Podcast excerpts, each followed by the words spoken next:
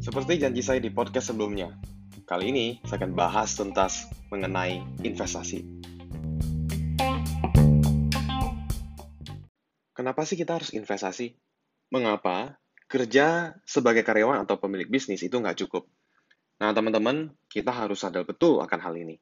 Bekerja sebagai karyawan atau pemilik bisnis, itu kita menukar waktu dan tenaga kita untuk uang. Sedangkan kalau kita investasi, kita menggunakan uang kita untuk mendapatkan uang lebih banyak. Jadi investasi, bahasa sederhananya, itu bisa kita katakan sebagai ternak uang. Jadi uangnya bisa beranak cucu gitu. Dan ketika kita sudah punya ternak uang yang banyak, apa yang terjadi? Kita mau stop kerja juga udah bisa. Karena hasil dari investasi kita itu udah cukup atau bahkan melebihi dari biaya hidup nyaman kita. Jadi investasi ini penting sekali guys. Nah, saya bersyukur bersyukur apa, e, bisa mengenal dunia investasi itu sejak usia 15 tahun. Dan alasan lainnya sih begini teman-teman. Kalau kita kerja, kan kita dapat uang. Nah, uang yang kita dapatkan, pasti ada persentase yang kita kumpulkan untuk kita tabung kan. Nah, tahu nggak? Ada yang namanya inflasi, alias penurunan nilai. Jangan sampai uang yang sudah dikumpulkan, cuma didiamkan doang. Dan akhirnya apa? Terjadi penurunan nilai. Masih ingat gak sih pas kita zaman sekolah SD? Uh, ah, saya kan anak, uh, saya lahir tahun 90-an ya. Jadi dulu kalau dikasih uang jajan, 2000 rupiah itu udah bisa makan kenyang. Tapi hari ini di Jakarta, bayar 2000 rupiah ke tukang parkir aja itu dimarahin. Malah minta lebih gitu. Nah, inflasi adalah salah satu alasan mengapa kita harus berinvestasi. Kalau kita nggak investasi, itu ibaratnya seperti ini. Kita punya benih. Nah, benih kita ini banyak. Tapi kita cuma taruh doang di gudang, kita simpan di gudang, nggak kita tabur-tabur ke tanah. Apa yang terjadi? Ya kita nggak akan tuai apa pun, kita nggak menuai apa pun. Dan akhirnya benihnya rusak dan nilainya turun. Alasan kedua, ketika kita berinvestasi, kita sebenarnya membeli hari agar kita tidak perlu bekerja lagi. Dengan berinvestasi, kita membuat uang kita bekerja untuk kita.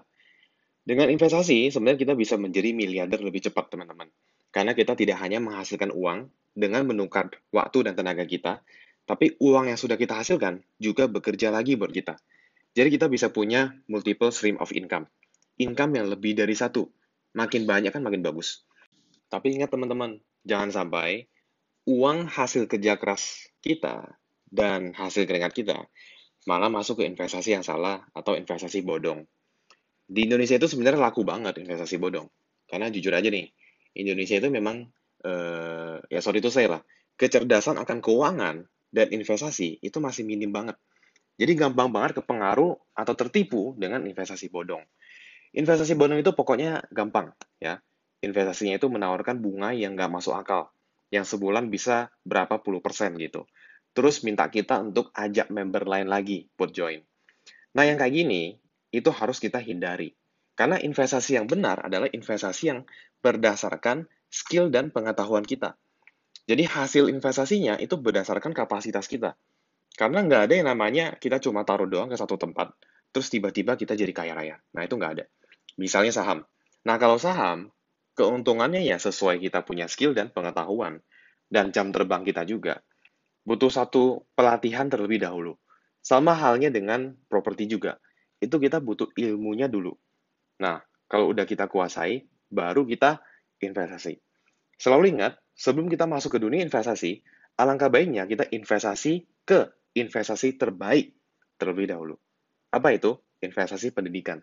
Kita belajar dulu, dan sekali kita udah belajar, kita punya skill yang bisa kita pakai seumur hidup. Biasanya, kebanyakan anak muda itu ngerasa kayak gini. Ah, ngapain sih investasi? Orang masih muda, masih usia 20-an tahun misalnya mending ntar aja deh kalau udah usia 30-an tahun atau apalagi 40-an tahun. Kita mending fokus kerja dulu aja deh. Atau fokus bangun bisnis dulu. Ntar udah punya banyak duit, baru investasi. Nah teman-teman, jujur aja, sebenarnya salah satu pemikiran yang kayak tadi saya sebutkan, itu salah, salah, salah besar. Why? Mari saya buktikan menggunakan angka dan data. Saya bersyukur saya tahu ini udah umur dari belasan tahun. Jadi ini adalah salah satu alasan yang paling kuat mengapa saya mulai invest sejak usia 15 tahun. Dan komitmen hingga hari ini. Mari kita mulai. Biar lebih gampang menjelaskannya, mungkin saya share menggunakan cerita aja. Anggaplah ada si A dan B. Oke. Okay? A memulai investasi sejak usia 19 tahun. Dia invest 20 juta rupiah per tahun. Setiap tahun hingga berusia 26 tahun. Habis itu dia stop dan nggak invest lagi, teman-teman. Tapi hasil uang investasinya, dia tetap lanjutkan invest sampai usia 65 tahun. Tapi udah nggak nambah 20 juta per tahun. Anggaplah bunganya 10% per tahun, oke? Okay? Eh, karena itu udah termasuk kecil dan wajar lah. Saya sendiri ngurus dana investor di saham selama 7 tahun terakhir, itu tiap tahun bunga berbunganya sebesar 43% per tahun. Jadi 10% kecil dan wajar. Sedangkan B, B ini juga usia 19 tahun. Tapi dia nggak investasi, teman-teman. Dia mikirnya, ah, antar aja deh. Ya kan? Jadi si B ini baru mulai invest itu ketika usia 27 tahun. Investasinya sama, 20 juta rupiah per tahun hingga usia ke 65 tahun. Jadi si B invest 20 juta rupiah per tahun dari usia 27 hingga usia 65 tahun dengan bunga yang sama, 10% per tahun. Jadi, si A cuma investasi 20 juta per tahun dari usia 19 sampai 26 tahun.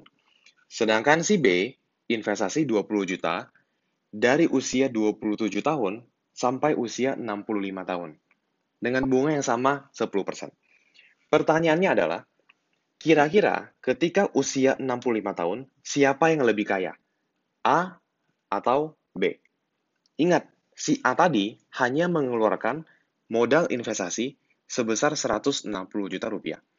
Sedangkan B mengeluarkan modal investasi sebesar 780 juta rupiah. Sekali lagi, pertanyaannya, siapa yang lebih kaya? A atau B? Nah, teman-teman, jawabannya yang lebih kaya adalah A. Oke, okay? A ketika usia 65 tahun memiliki kekayaan sebesar kurang lebih 10 miliar rupiah. Padahal dia cuma invest 160 juta rupiah kan, dari usia 19 sampai usia 26. Udah, itu doang. Sedangkan B, di usia 65 tahun, dia memiliki kekayaan 8,8 miliar rupiah.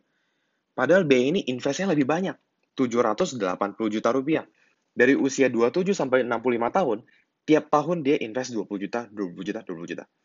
Nah, si B invest lebih banyak 5 kali lipat dibandingkan si A. Bayangkan, 5 kali lipat lebih banyak dibandingkan si A. Tapi ujung-ujungnya yang lebih kaya adalah si A. Gara-gara dia mulai lebih cepat.